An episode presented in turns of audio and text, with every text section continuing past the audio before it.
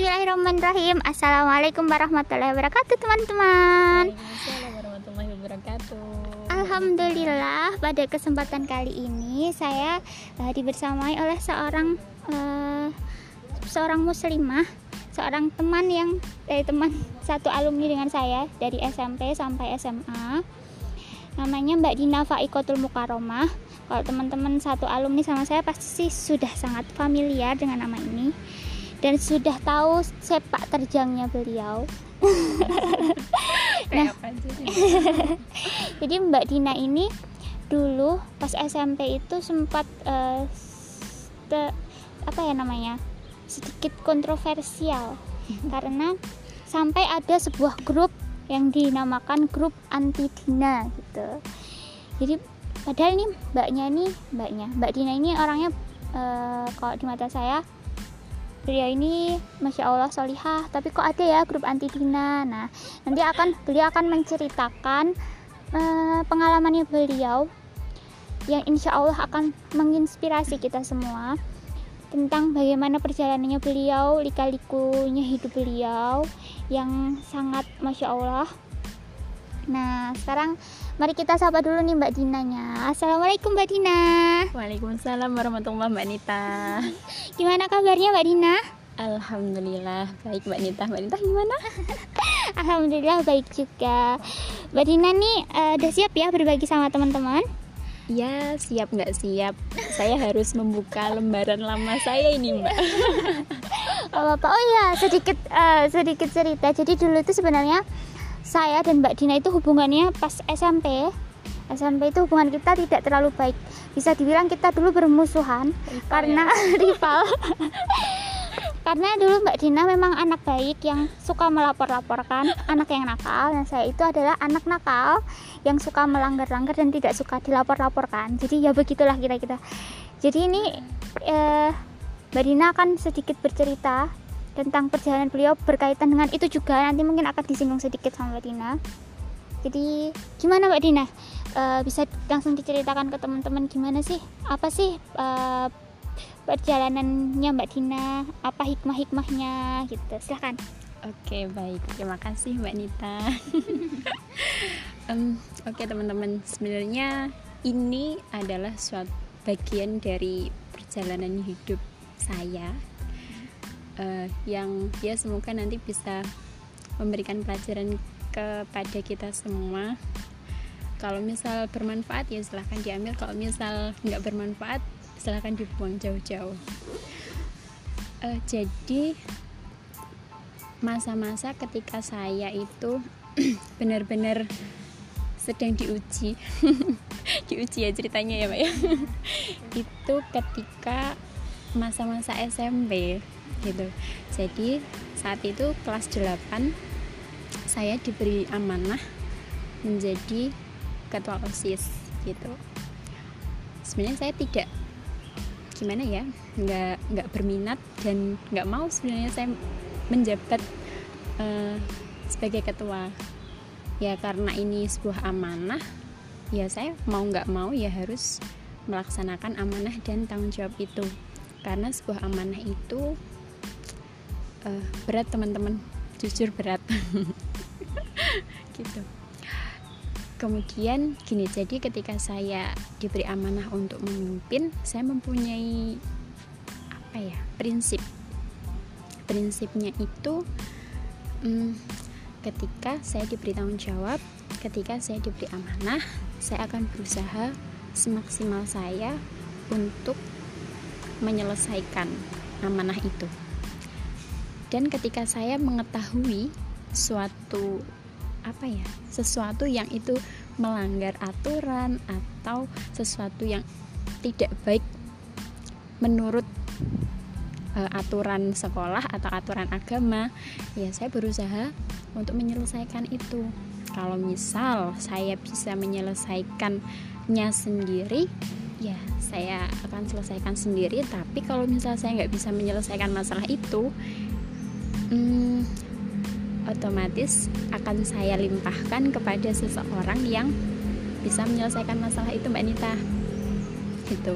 Misalnya nih misalnya ya guru lah atau pembina atau BK dan lain-lain. Jadi manfaatnya saat itu saya emang memang dekat sama guru-guru sama pembina itu dekat. Tapi mungkin di sisi lain uh, saya agak jauh dengan teman-teman yang dalam tanda kutip.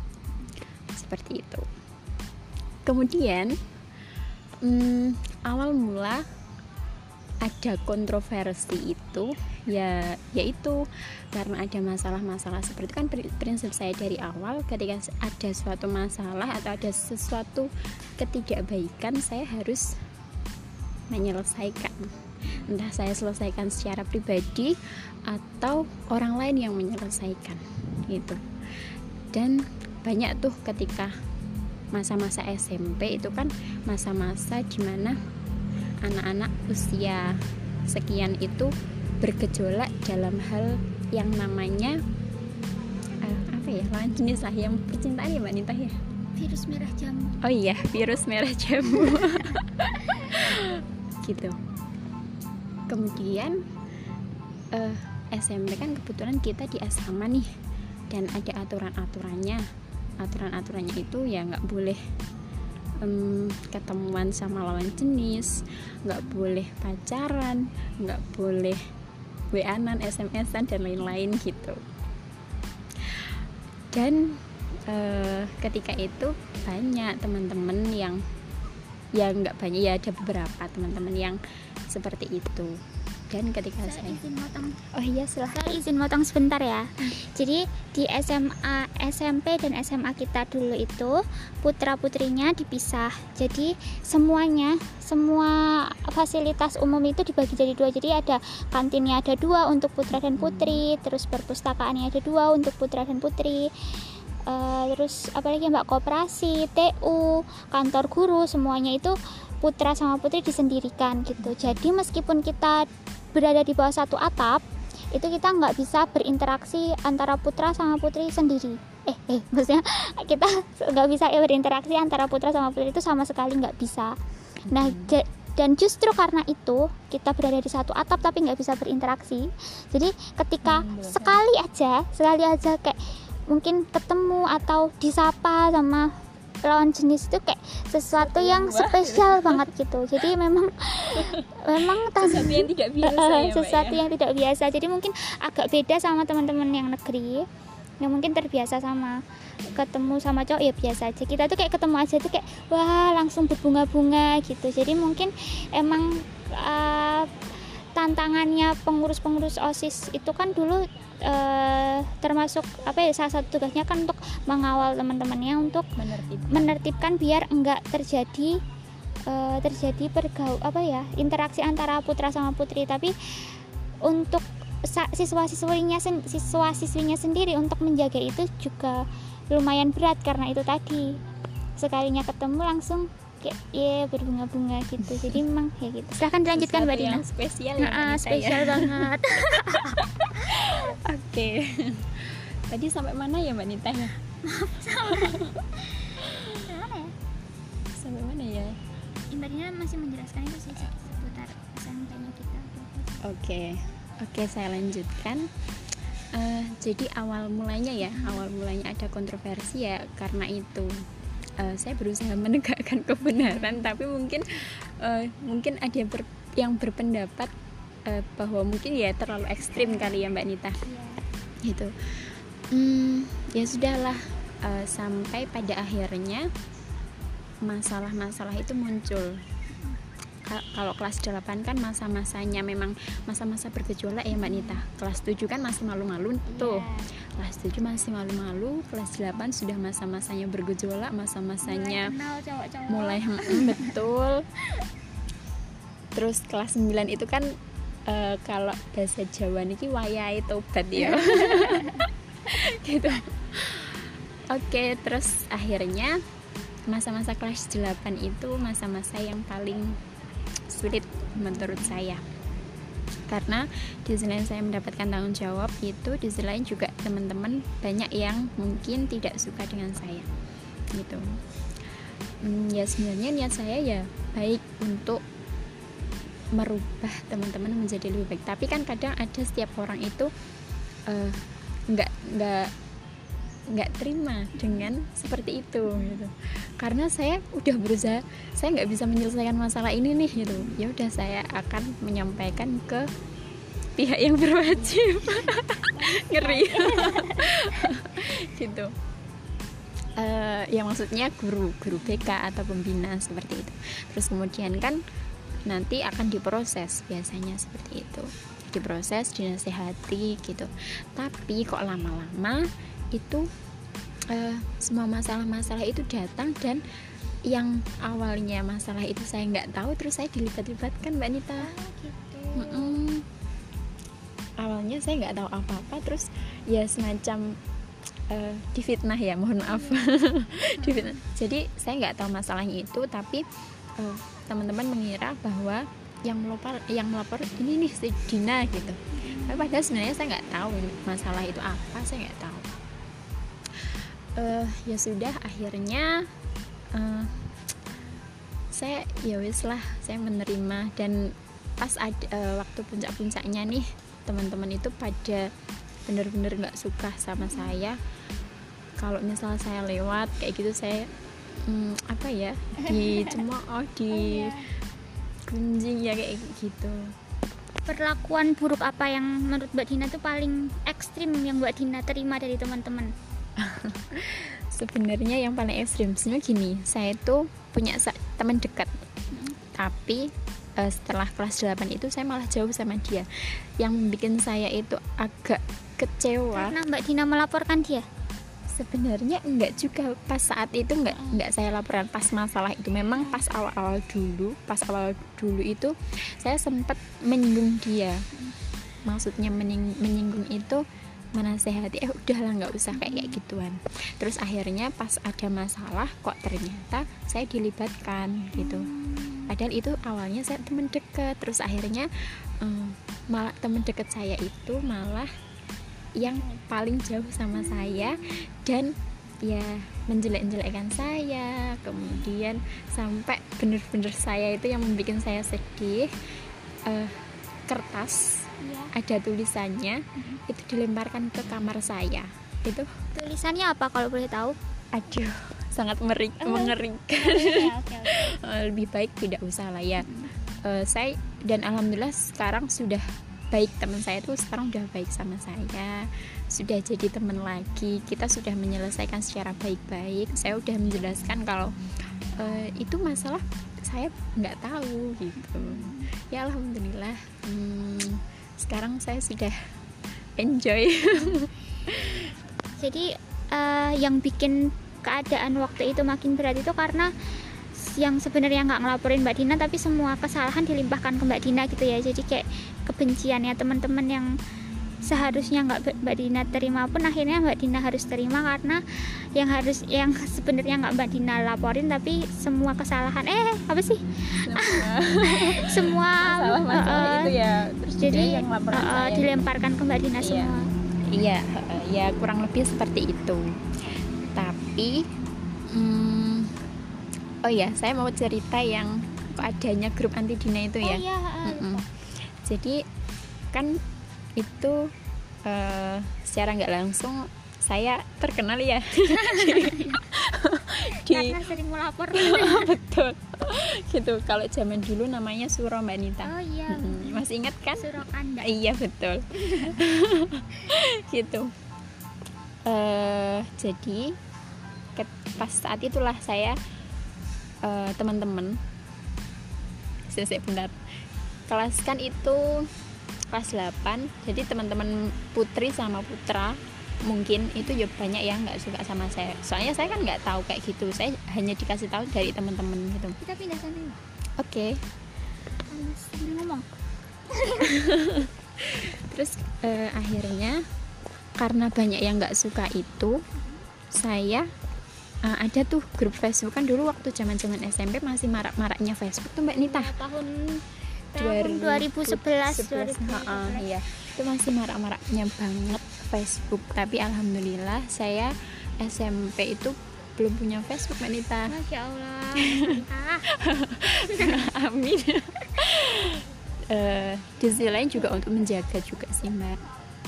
Terus uh, saya dapat kabar nih dari temen osis gitu. Kalau eh ada grup anti dina loh. Di mana di Facebook. Oh saya ya saat itu oh ya udah gitu. Tapi dalam hati kecil saya itu kayak menangis mbak. Sakit. Apakah gini? Jadi saya berpikirnya apakah teman-teman itu sebenci itu ya sama saya ya gitu. Walaupun sebenarnya saya di luar ayo ah, wis lah gitu. Nggak nggak tak gagas. Tapi sebenarnya di dalam, di dalam itu batin. batin juga mikir juga iya mbak Nita gitu. Jadi ada tuh. Ya saya dikabari dan saya belum buka sih grupnya itu ada apa enggak. Saya cuma tahu grup anti Dina itu oke Mbak Dina saya pengen tanya dikit. Uh, jadi kan kita sebagai uh, apa ya namanya um, korban dari yang dilapor sebagai pihak yang dilaporkan sama Mbak Dina itu kan mesti uh, prasangka kita itu oh Mbak Dina nih apa sih ikut campur urusan kita? Oh Mbak Dina ini nggak suka sama aku nih jadinya dia pengen uh, mempermasalahkan aku nih. Jadi aku pengen Mbak Dina tuh kayak mengklarifikasi gitu. Sebenarnya ketika Mbak Dina melaporkan kita itu apakah ada perasaan aku nggak suka nih sama Nita nih gara-gara dia ngelanggar peraturan makanya aku pengen dia dihukum. Hmm. atau benar-benar Mbak Dina tuh tulus. Aku pengen menyelamatkan Nita. Aku sayang sama Nita. Aku pengen Nita selamat. Aku pengen Nita enggak melanggar aturan lagi. Nita dijauhkan dari pergaulan bebas sama lawan jenis gitu. Jadi pengen penjelasan nih dari Mbak Dina biar teman-teman juga tahu sebenarnya Mbak Dina tuh hatinya gimana sih? Beneran beneran pengen jahat sama kita pengen kita dihukum pengen nyusahin kita suruh kita ngusik kamar mandi kita harus ngelari kita harus dihukum hafalan gitu. Jadi sebenarnya tujuannya mbak Dina tuh apa gitu. Oke. Okay. terima kasih mbak Dita pertanyaannya. Hmm, gini ya mbak. Tidak ada terbesit sekecil apa pun saya untuk uh, balas dendam atau untuk membuat teman saya sengsara. Sama sekali tidak ada ya salah satunya itu. Saya melakukan itu karena saya diberikan amanah menjadi ketua osis. Kemudian ya itu saya prinsip saya dari awal ketika SMP itu karena orang tua sudah menanamkan saya dan memberikan motivasi kepada saya terus uh, jadi ketika saya diberikan amanah ya saya akan berusaha semaksimal mungkin dan jujur sama sekali tidak ada rasa ingin uh, rasa benci atau rasa ingin memberatkan teman-teman ketika saya misal melaporkan ke uh, eh, BK atau ke guru gitu ya. Yang saya inginkan hanya satu teman-teman saya bisa menjadi lebih baik gitu. Karena saya udah nggak kuasa nih untuk merubah teman-teman. Saya udah nggak bisa nih untuk merubah untuk apa ya uh, menyelamatkan mereka jadi ya kalau misal saya nggak mampu udah nggak mampu ya kita serahkan ke seseorang yang mampu untuk mengubahnya. Gitu. Jadi sama sekali nggak ada terbesit itu ya mbak Nita ya. Jadi gitu ya teman-teman sudah jelas. Karena dulu saya juga kan termasuk salah satu korban yang mbak Dina ya. Jadi saya tuh sempet mikirnya juga ini orang apaan sih kok ikut campur urusanku? Orang kenapa sih kok kayaknya seneng banget aku dihukum seneng banget aku dibenci sama pembina gitu. Kayak karena waktu itu kan kita masih SMP ya mbak ya. Yeah. pikirannya masih pendek. Pokoknya meskipun sadar nih aku salah tapi tetap nggak mau disalahin. Nah sekarang kan udah insya Allah udah lebih dewasa udah lebih mikirnya udah bisa panjang udah ngerti udah bisa membedakan uh, mana udah, yang baik dan mana yang buruk ya. Udah bisa membedakan mana yang baik mana yang buruk mana yang peduli mana yang benci gitu. Jadi sekarang udah bisa lebih mikir oh ternyata dulu tuh aku ya aku memang salah dan Mbak Dina meluruskan itu. Dengan meskipun caranya aku nggak suka karena memang ya mau gimana lagi. Mm -hmm. kayaknya caranya ya cuma itu kan. Mm -hmm sesuai prosedur prosedur yang ada di sekolah gitu. Mm-hmm. Jadi teman-teman yang mungkin dulu kalau teman-teman kita mungkin sekarang udah ini ya Mbak udah sama-sama dewasa mungkin udah sama-sama tahu mm-hmm, ya. Iya, Kalau yang dulu Mbak Dina lakuin itu eh, adalah bentuk kepeduliannya sama kita nah tapi eh aku mau ngomong apa tadi ya bentuk kepeduliannya sama kita nah, nah sekarang kan itu itu adalah salah satu alasan atau mungkin penyebab kenapa hubunganku sama Mbak Dina bisa eh, baik lagi. Setelah dulu sekian tahun oh enggak sekian tahun juga selama SMP ya Mbak SMA Iya. kita udah enggak Nggak ini ya. deket sama nggak deket sekali sama ya, sekali Mbak nggak Nita ada ya. nggak ada kontak kontak nggak- interaksi sama nggak- sekali paling jadi nyapa itu aja jarang-jarang ya Iya, karena waktu itu saya di asrama yang terkarantina, tersendirikan, ter dikucilkan, ter oh, terkucilkan bahasanya. Ya pokoknya karena spesial lah Iya, Iya, jadi memang terisolir dari teman-teman yang lain, jadi memang nggak ada interaksi sama Dina. Terus SMP itu benar-benar rasanya iya mengganggu sekali perasaan benci itu yang sebenarnya rasa benci yang dibuat sama Nita sendiri. Sekarang sudah alhamdulillah udah bisa sembuh karena iya karena cuma kita cuma butuh waktu untuk memahami ternyata ternyata Mbak Dina ini niatnya baik gitu. Mungkin teman-teman yang lain yang mungkin juga men- sedang mendengarkan podcast ini dan mungkin juga dulu pernah bermasalah sama Mbak Dina karena dilaporin juga atau sekarang adik-adik yang mungkin dengerin dan punya temen yang sejenis sama Mbak Dina eh, minta tolong untuk difikirkan lagi, difahami lagi bahwa tujuannya itu in- insya Allah demi kebaikannya kita gitu. Oke. Terus Mbak Dina aku pengen tanya lagi. Sebentar mbak Dina saya Apa? pengen nambah Oh iya boleh, ya. boleh boleh boleh. Oke, jadi gini teman-teman, Eh, sebenarnya saya nggak terlalu ek- se ekstrim itu sih, maksudnya semua masalah saya tahu terus saya laporkan nggak Iya. se ekstrim itu ya Mbak Nita Iya. ya. Cuma kan kadang kalau misal eh, namanya osis kan Mm-mm. satu kesatuan ya, satu kesatuan namanya osis. Kalau misal kita tahu informasi ya sama-sama kita memberikan laporan. Kalau misal ditanya Mm-mm. memberikan laporan yang kita tahu gitu. Jadi bisa jadi itu imbasnya ke saya. Iya benar. Mm-mm. Jadi namanya OSIS kan satu kesatuan. Mm-mm. Terus dalam satu OSIS itu kebetulan yang megang saya nih gitu. Nah, Akhirnya s- eh, secara nggak langsung saya yang kena. iya. gitu. Tapi ya saya nggak masalah sih karena itu sudah menjadi satu resiko.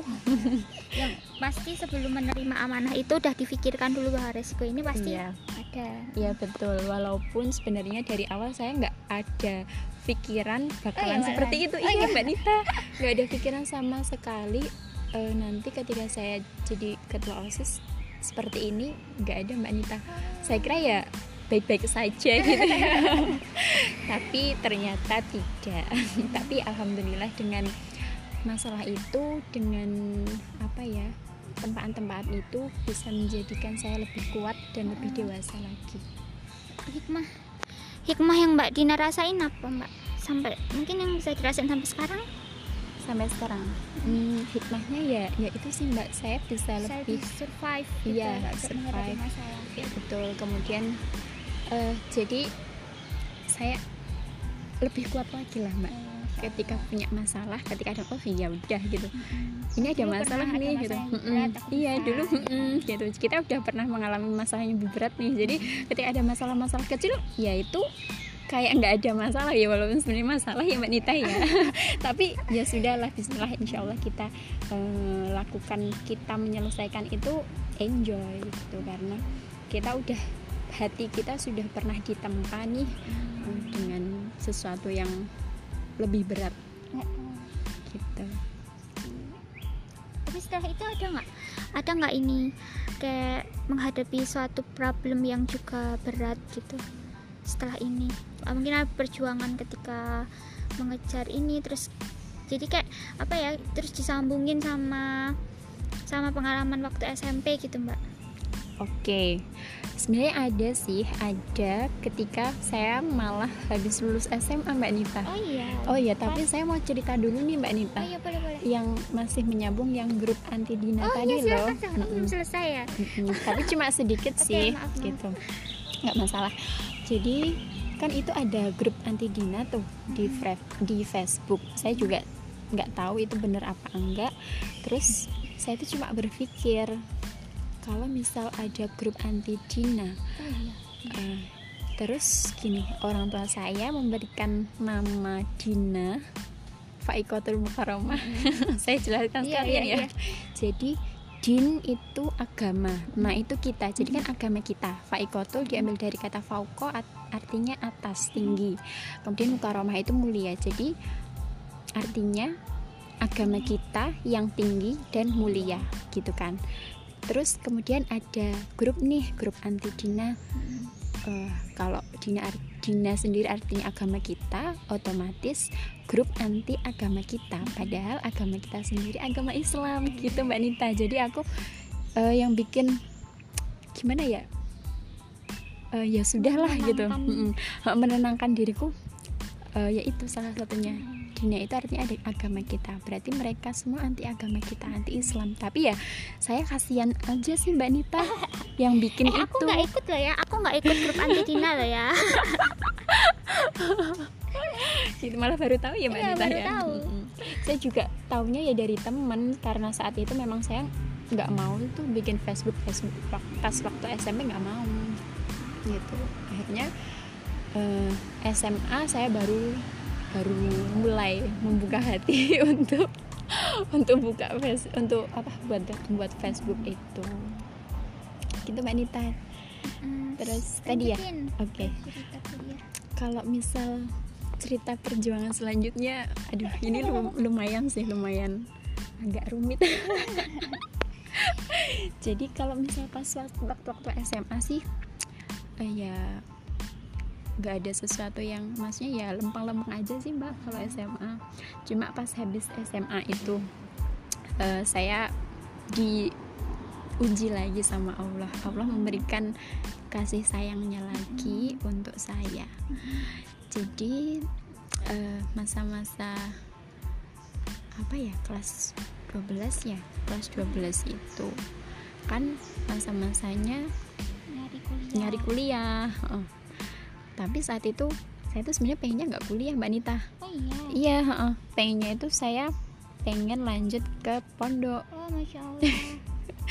Tapi terus saat itu kan ada yang nawarin dari ibu asrama ini ada kuliah ya kayak tafid mm-hmm. tapi ada entrepreneurshipnya mbak. Wow. gitu.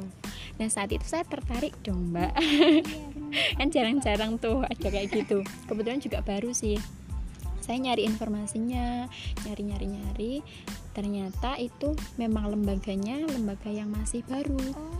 iya jadi belum lama dan saya kebetulan menghubungi de, uh, lembaganya itu kok nggak ada respon nggak ada jawaban hmm. itu kan udah masa-masa akhir dua, kelas 12 tuh mbak yeah. Nita jadi saya kan nggak ada ya? uh, mepet banget saya nggak ada persiapan apa-apa nih kalau hmm. mau kuliah gitu terus akhirnya uh, dari beberapa banyak orang itu um, saya apa namanya uh, disarankan untuk kuliah aja hmm. gitu. Udah kamu kuliah aja gitu. Akhirnya ya sudahlah. Uh, saya mulai membuka membuka wawasan membuka apa ya hati untuk kuliah gitu. Akhirnya nyari-nyari. Nggak tahu habis SMA tuh kok saya pengen banget ya kuliah di Jogja. Ya nggak tahu kenapa. Kok saya pengen banget kuliah di Jogja. saya malah yang nggak pengen di Jogja terlempar ke sini. Oh gitu ya? kan di sini. Gitu iya. kadang Allah suka iya kasih sayang Allah mbak itu. Kasih sayang Allah. Betul. Jadi uh, terus akhirnya saya nggak saya pengen banget nih kuliah di, kuliah di Jogja. Padahal saya sama sekali nggak ada bekal mbak. Iya? nggak iya? ada iya nggak ada bekal nggak ada persiapan untuk kuliah di Jogja. Padahal teman-teman itu udah terus mempeng-mempeng sinau ya mbak. Mm-hmm. gitu. Udah belajar terus gitu. Tapi saya kan termasuk telat. Belajarnya telat gitu. Ya terus uh, saya kan deket nih mbak sama ibu asrama yeah. sama yang ibu asrama di SMP juga oh. terus ibu ibu asrama yang di SMP itu menyarankan disuruh di asrama aja oh. gitu di asrama maksudnya jadi pembina uh, gitu saya tuh sebenarnya nggak mau teman-teman soalnya gini dulu waktu SMA itu saya sering banget diejek-ejek teman-teman itu uh, ah gue sebenarnya jadi pembina gitu ustazah bahkan ada yang panggil saya ustazah ketika iya. SMA gitu. Terus saya tuh nggak mau karena kan kalau pembina itu kan rivalnya banyak ya. Iya pembina tuh hatersnya banyak. Ya Harus hatersnya perfect ya, itu nggak mungkin. Mm, hatersnya banyak. Saya tahu kalau pembina itu banyak yang nggak suka anaknya juga banyak yang nggak suka gitu jadinya saya nggak mau jadi aku pembina. nggak tersindir ya. Terus terus. Jadinya saya nggak mau tuh jadi pembina. Terus akhirnya mm, nggak tahu. Eh terus akhirnya ibu asrama yang di SMA itu bilang sama ibu asrama yang di SMA akhirnya saya dipanggil lah. Eh, berbincang-bincang-bincang terus nggak tahu tiba-tiba saya tuh menyeletuk gini. Kalau misal nanti saya kuliah di Jogja Insya Allah nanti saya di asrama Jogja. Tapi kalau nanti saya kuliah di Solo insya Allah nanti saya di asrama sini bu gitu. Nggak tahu mbak Nita kok saya tiba-tiba menyeletuk gitu. Nggak tahu. Gitu Allah tuh yang menggerakkan iya betul lisannya. betul. Kayak nggak sadar gitu bilang seperti itu. Akhirnya eh, saya sudah berusaha nih teman-teman. Sudah berusaha beberapa kali untuk bisa kuliah di Jogja. Tapi ternyata Allah belum menghendaki nih saya untuk kuliah di Jogja. Kemudian ada masa-masa ketika saya terpuruk ketika saya saya bingung saya harus gimana gitu. Kan banyak ya teman-teman yang mungkin jalan hidupnya tuh lurus-lurus aja nggak ada masalah. Udah keterima Uh, udah keterima. iya betul kayak gitu. Tapi kan ada juga nih teman-teman sebagian teman-teman yang itu hmm, gimana ya? Perlu perjuangan dulu Mm, dalam menggapai intinya mimpi ya Mm-mm. gitu. Nah saya termasuk orang yang berjuang Mm. gitu. Ya semua sebenarnya sama-sama berjuang ya mbak Iya, Nita ya. beda cuma aja. iya beda tempat beda keadaan. beda keadaan kondisi. beda. Ah, ah, betul. Gitu. Terus akhirnya saya udah benar-benar pada suatu hari itu saya benar-benar sudah terpuruk. Mm. Hmm, akhirnya seharian saya mengurung di- diri di kamar mbak Wah. Nita Wah seorang Mbak Dina ya bisa mengurung diri di kamar nggak Iya. menyangka ya. saya juga manusia ya mbak Nita saya tuh nggak tahu harus enak-enak gitu nggak sebenarnya tuh pasti ada lah or- eh, apa tempaan-tempaan seperti itu pasti ada ya orang saja yang nggak tahu tahu, benar. dikirain kan wah hidupnya enak ya padahal sebenarnya ya nggak seenak itu gitu. Betul terus eh, saya mulai eh, kan itu ada satu hari itu saya benar-benar saya tuh harus gimana saya nggak tahu gitu. Terus akhirnya sore saya itu mulai berpikir jernih saya nggak bisa kayak gini terus mbak Nita. Saya harus bangkit. Terus akhirnya saya mencoba berdamai dengan diri saya sendiri. Saya nggak boleh mempentingkan ego saya terus ya sudahlah mungkin ini jalannya Allah biar saya di asrama Solo. Iya betul. Akhirnya Mbak Dina kuliah di mana Mbak? Jadinya saya boleh tahu? sekarang eh sekarang sekarang udah lulus ya sebelumnya di Universitas Aisyah Surakarta. Iya gitu. Dan saya sebenarnya nggak tahu mbak itu dulu apa jurusan yang saya Iya, ambil saya apa. itu saya juga nggak tahu Eh, karena itu kan akhirnya saya banget ya. Akhirnya saya kan memutuskan nih saya di asrama. Jadi saya di asrama itu posisinya saya belum dapat kuliahan mbak Nita. Iya. Terus akhirnya eh, saya dikasih tahu teman-teman eh, kalau misal ini nih fisio- fisioterapi bagus gini-gini. Padahal sebenarnya awalnya saya nggak nggak ada niatan sama sekali untuk di kesehatan karena kan bayangan saya ah kesehatan mesti pegang darah pegang gini gini gini kayak gitu pegang pasien yang ngeri ngeri gitu. Saya nggak mau kayak gitu gitu. Terus akhirnya gini teman saya ada nyarankan ini loh fisioterapi itu pegang pasien tapi nggak kayak gitu. Jadi pegang pasiennya itu pasien bersih mbak Nita. Oh iya, iya. Mm-mm.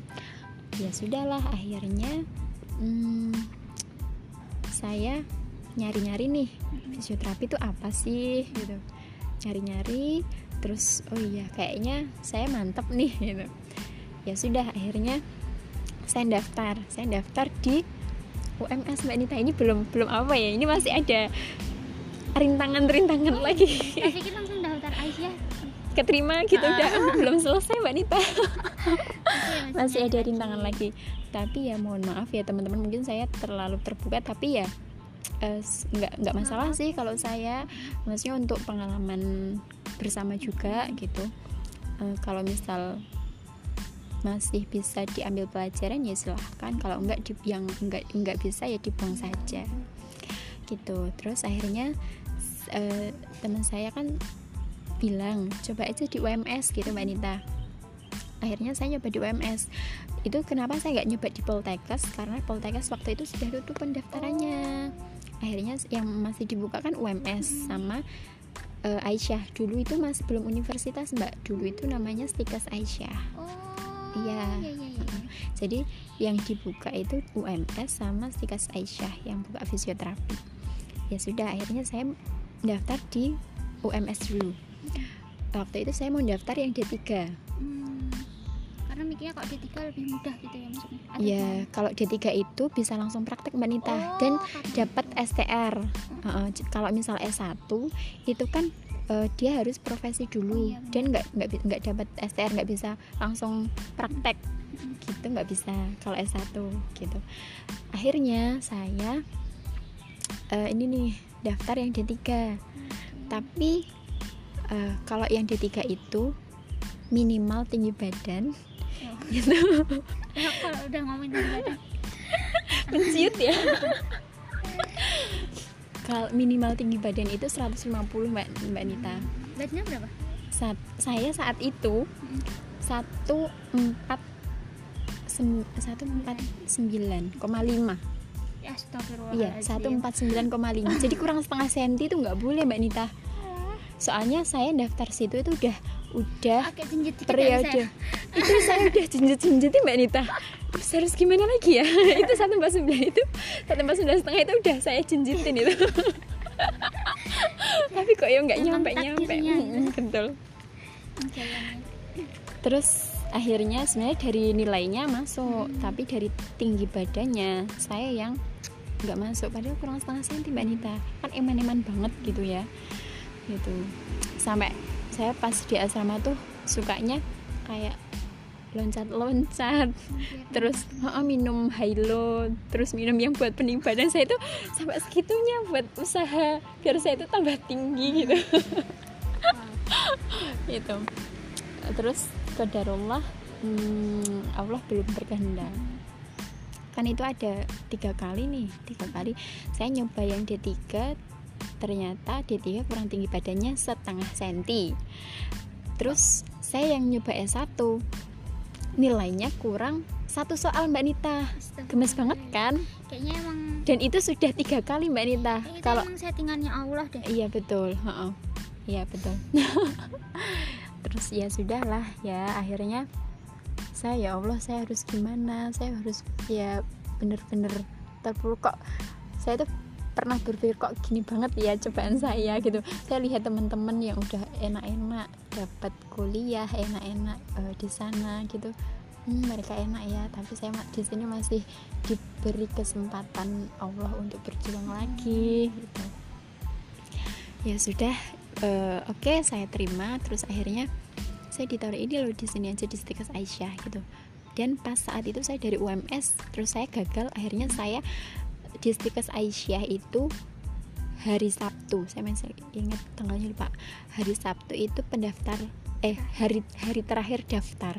Akhirnya saya langsung ke Stikes Aisyah dan itu posisinya saya sendirian mbak Nita. Nggak ada teman-teman nggak ada teman sama sekali itu terus saya daftar gini-gini dan saya eh, pendaftar nomor dua terakhir. Pendaftar nomor dua terakhir di Stikes Aisyah terus akhirnya ujian ujian kok ternyata diterima gitu. Terus ya saya senang dong dari sekian dari sekian perjuangan akhirnya saya ada yang diterima gitu. Eh, terus saya berpikir oh ya udah mungkin ini yang terbaik dari Allah gitu ya. Ya udahlah Bismillah saya em, berusaha di situ walaupun sebenarnya saya nggak mengenal apa sih itu fisioterapi apa sih itu gitu. Tapi ya alhamdulillah sambil jalan itu saya nggak menyesal kok oh, di sini. Saya nggak merasa keblasuk gitu enggak. Karena ketika saya di sini saya sudah mendapatkan sesuatu yang luar biasa. Jadi kan kalau fisioterapi itu kan berhubungan dengan fisik dan fungsional fungsional manusia ya. Jadi kalau misal ada problem dari segi fungsionalnya seseorang itu eh, kita berusaha untuk memecahkan itu. Jadi bisa ilmunya bisa langsung diaplikasikan. Aplikasikan iya karena ya prinsip saya gini mbak Nita. Hmm, khairun nas anfa'uhum linnas. Iya gitu. Jadi hmm, saya pengen bermanfaat untuk orang lain ya. Dan dengan fisioterapi dengan jadi fisioterapi ini eh, alhamdulillah banyak em, pasien-pasien yang sudah ada perkembangannya gitu. Jadi ada kepuasan tersendiri mbak Nita ketika saya melihat itu iya. Jadi misal pertemuan pertama oh seperti ini. Pertemuan kedua udah ada perkembangan nih. Pertemuan ketiga udah tambah lebih nih. Rasanya itu ya Allah seneng banget gitu. Ya walaupun semuanya semua apa ya semua kesembuhan itu datangnya dari Allah ya mbak Nita ya. Tapi kan kita berusaha untuk membantu. Membantu mm, mereka-mereka yang membutuhkan. Jadi oh ternyata ini jawaban dari Allah gitu. Jadi masya Allah sekali. Mm, saya merasa Allah itu maha baik sekali. Dan ini ya eh, tadi malam kita sempat ngobrol juga gitu tentang apa salah satu lagi kenapa Allah tuh nggak meng nggak mengizin nggak mengizinkan apa ya namanya Mengi- menginginkan Mbak Dina tuh di asrama SMA itu karena nggak mungkin.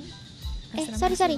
Meng- kenapa Allah itu menginginkan Mbak Dina di asrama SMA MTA itu karena eh, ternyata itu lingkungan yang sangat suportif untuk menjaga kualitas ibadah kualitas Pergaulan. pergaulan juga kedekatan sama Allah. Karena kemarin eh, tadi malam kan kita sempat apa sih cerita tidur bareng kita setelah bermusuhan sekian tahun ya. Tidur bareng curhat-curhat. terus terus apa namanya kita sempat sharing kan terus kita kayak menarik kesimpulan oh jadi ternyata Mbak Dina itu eh, Allah tempatkan di asrama SMA MTA itu karena Allah pengen menjaga Mbak Dina nih gitu. Karena mungkin bisa jadi ketika Mbak Dina harus berada di luar sini tantangannya untuk menjaga keimanan untuk tetap istiqomah menjalankan sholat sunnah tetap istiqomah tilawah tetap istiqomah menghafal Al-Quran itu mungkin tantangannya akan lebih sulit ketika di luar daripada ketika di asrama yang memang di asrama kan emang teman-temannya ngafal semua jadi kayak mau nggak ngafal tuh ya mm-mm, ada perkewo dorongan dorongan terus? sendiri dari mm-mm. teman. ngelihat teman-temannya sholat sunnah juga pasti ada keinginan oh ya saya juga pengen sholat sunnah karena saya juga pengen dapat pahala dong. Gitu. Jadi eh, banyak banget sih hikmah yang akhirnya Mbak Dina dapatkan setelah perjuangan bertahun-tahun. Gitu. oke semoga ada lagi? Yang oh ya oh masih oh iya Mbak Dina tuh masih ada cerita lagi nih selama perjalanan di Jogja. Dan sekarang Mbak Iya Dina di. Jogja nih akhirnya setelah impiannya gitu. Kita dengerin lagi ya lanjutan ceritanya. Gimana nih bisa nyampe Jogja perjuangannya gimana terus pelajaran apa yang bisa kita ambil bareng-bareng? Oke, Hmm, jadi sebenarnya gini teman-teman kan tadi udah saya ceritakan nih. Kalau misal eh, saya pengen kok saya ya? Enak aku aja ya? Ha-ha. aku. Aku pengen aku pengen di Jogja hidup di Jogja gitu ya dari habis lulus SMA Qadarullah Allah belum mengizinkan nih mbak. Ya mungkin salah satunya itu karena bisa jadi boleh jadi saya ketika saya kuliah di Jogja saya nggak bisa menjaga pergaulan kan bisa jadi ya mbak iya. Nita ya Enggak, gitu. sekarang lebih mateng. Amin. Bentengnya lebih Lebih kuat nih. ya gitu. Jadi bisa jadi eh, seperti itu. Terus kodarullah ketika saya lulus kuliah nah saya ditempatkan Allah di Jogja untuk mm, mencari pengalaman gitu ya Mbak Nita ya? Permak CV permak CV ta'aruf teman-teman. Jadi, Oh. ini Mbak Dina masih jomblo. Insya Allah ini orangnya salihah. Aduh. Amin. Iya. jangan gitu Mbak Nita Oke, nggak nanti boleh. misalkan ada yang kayak wah ini kayaknya calon ibu yang baik untuk anak-anakku bisa mengirimkan CV Masya Allah. untuk Mbak Dina. Ya buat Mbak Nita juga. Terus terus lanjut lanjut. Oke. Eh, jadi Allah maha baik banget. Eh, akhirnya ketika saya pengen hidup di Jogja itu Allah mengabulkannya sekarang Mbak Nita habis lulus kuliah. Jadi di waktu yang tepat, di saat yang tepat dan di tempat yang yang tepat. Ha-ha, dan insya Allah di tempat yang insya- eh, yang baik insya Allah ya insya Allah jadi intinya saya minta sama Allah ya Allah eh, saya pengen hidup di Jogja tapi saya pengen lingkungan yang baik gitu. Eh, ada suatu apa ya instansi nih menurut saya instansinya ini baik lingkungannya juga baik gitu. Eh, terus saat itu tahun 2020 saya nyari-nyari lowongan kerja iseng-iseng nyari lowongan kerja nemuin itu akhirnya saya ny- tanya nih sama HRD nya ada lowongan untuk fisioterapi enggak gitu. Saat itu nggak ada. Terus akhirnya suruh nge-save kan nomornya HRD nya itu. Nanti kalau misal ada kami informasikan lagi kak gitu. Terus itu tahun 2020 sampai lama kelamaan em, nggak ada nih yang maksudnya nggak ada informasi gitu mbak Nita. Nggak ada informasi sama sekali saya pikir oh ya sudah itu mungkin nggak rezeki saya. Kemudian sampai pada akhirnya bulan April kemarin awal April saya dikasih informasi ada lowongan itu. Dan saat itu saya masih proses eh, proses menuju eh, apa ya proses ke Madiun. Oh, proses ke Madiun. Tapi setelah saya timbang-timbang kok- yang di Madiun ini saya kurang mantap kurang yakin. Akhirnya Bismillah saya lepaskan Mbak Nita. Saya udah ya sudahlah Bismillah saya lepaskan. Saya aja dari dulu hmm, pengennya hidup di Jogja gitu. Terus akhirnya hmm, bulan April awal tanggal 8 saya bertekad untuk mengirimkan CV ke instansi itu terus kodarullah eh, kok Allah itu memberikan jalan yang baik gitu? Eh maksudnya mohon maaf. Lanjut lanjut Qadarullah Allah itu memberikan kemudahan Mbak Nita.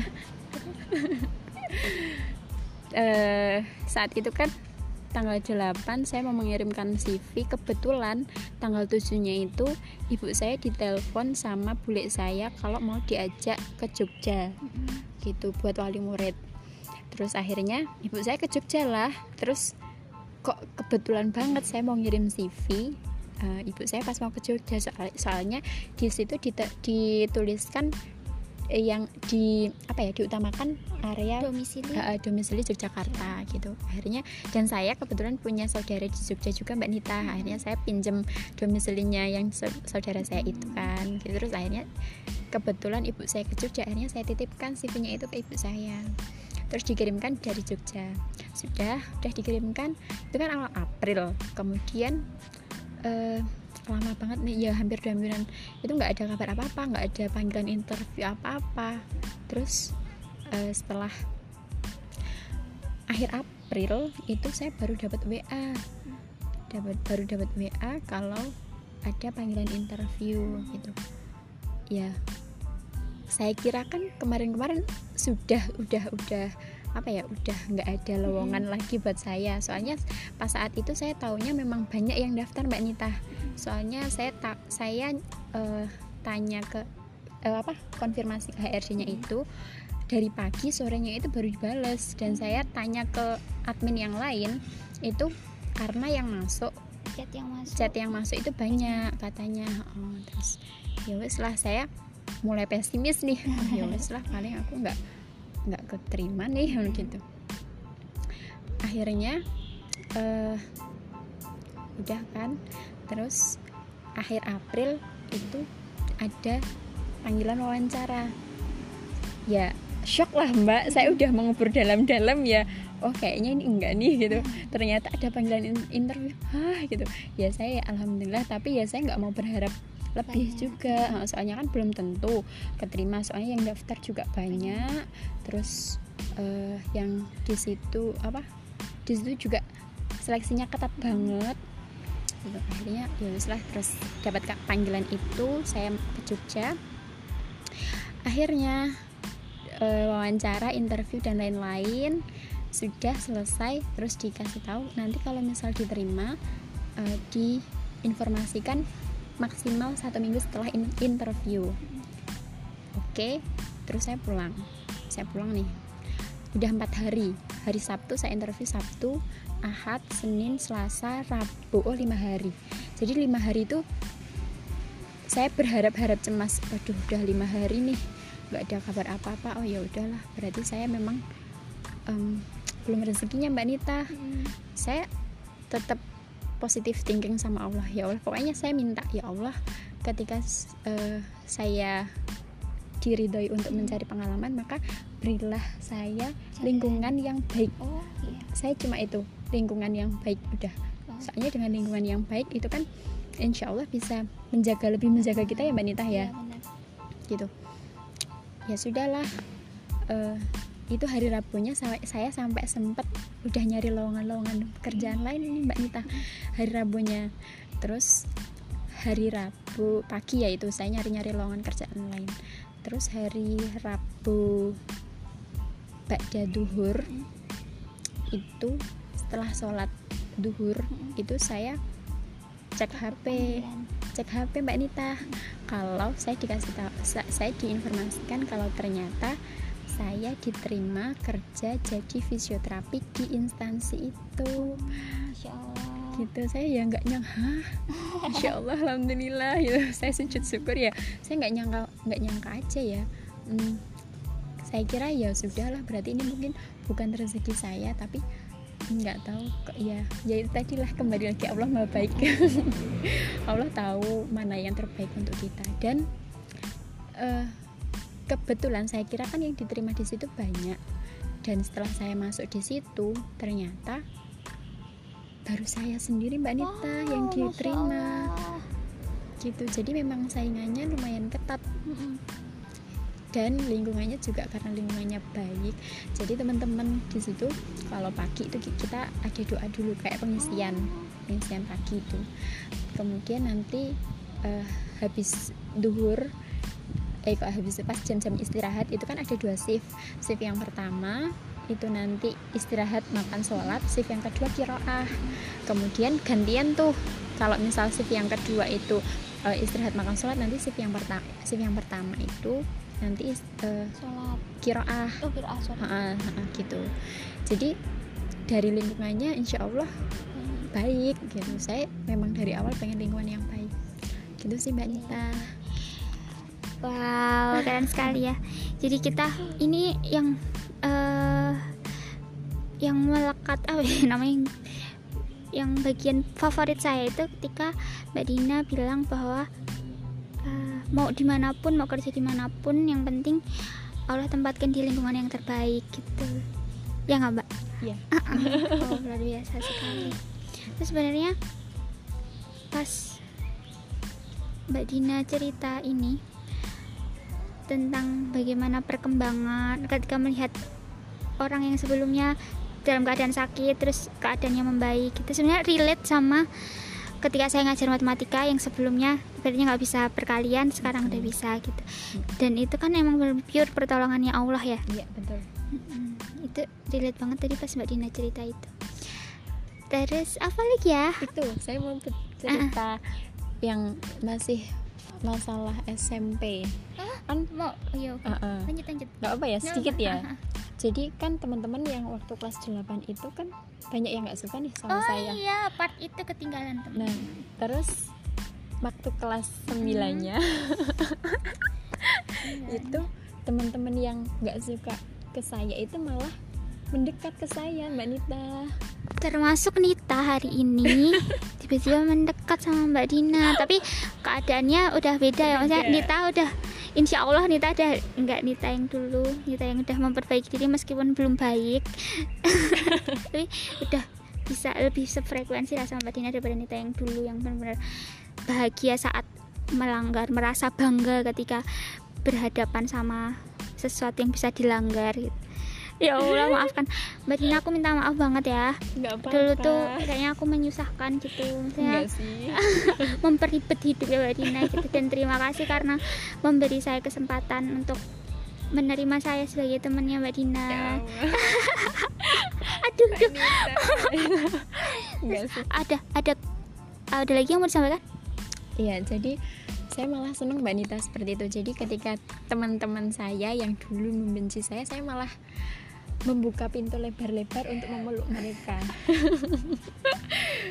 ya, ya gimana ya? Karena pas waktu itu kelas 9 itu kan jadi teman-teman yang dalam tanda kutip itu kalau kelas 9 kan ya waktunya taubat ya Mbak Nita kan udah masa-masanya ujian gitu.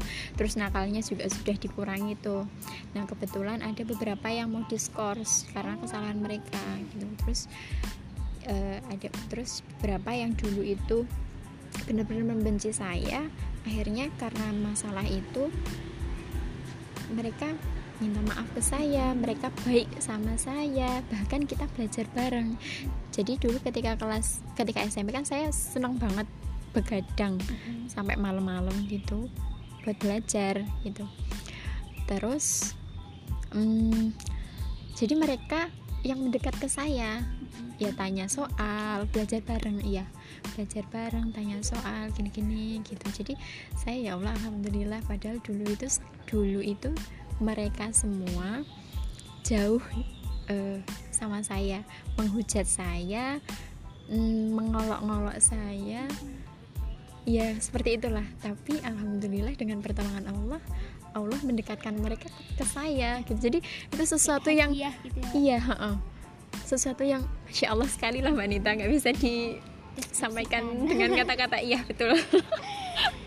Gitu. Jadi eh, teman-teman semua ketika teman-teman itu dihadapkan dengan suatu masalah ya jalani aja. Toh Allah itu tidak membebani mas eh, hambanya di luar kemampuan kita. Dan setiap masalah itu pasti ada solusinya ya kan mbak Nita Oke, yang terakhir nih Mbak Dina. Ada mungkin ada closing statement dari Mbak Dina, pesan-pesan yang harus kita semua pegang dari sepanjang tadi ceritanya Mbak Dina. Silahkan. ya sebenarnya pesan-pesannya sudah eh, sudah Terselip-selip ya. betul terselip-selip di dalam eh, saya ngobrol ringan-ringan tadi tapi ya yang perlu digarisbawahi itu gini teman-teman. Eh, ketika teman-teman mendapatkan suatu masalah ujian ya tadi eh, jangan berburuk sangka kepada Allah gitu. Tetaplah berbaik sangka karena setiap masalah setiap cobaan ujian yang Allah berikan kepada hambanya itu wujud kasih sayangnya Mbak Nita. Wujud kasih sayangnya Allah gitu. Dan dengan masalah itu kita bisa lebih dewasa lagi bisa lebih tegar lagi eh ya intinya dengan masalah itu bisa mendewasakan kita lah gitu. Gitu. Dan apalagi ya Mbak Nita ya Eh, apa ya? Ya intinya semangat selalu.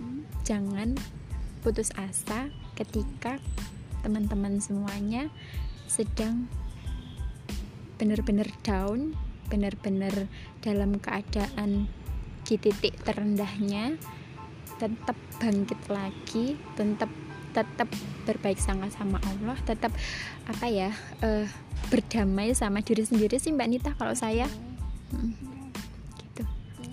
Oke gitu aja. Jazakillah jazakillah khairan kasir Uh, Mbak Dina waktunya sudah mau habis. 15 detik lagi. Terima kasih teman-teman yang sudah mendengarkan podcast. Semoga podcast ini bermanfaat Dan bisa bertemu lagi. Dadah.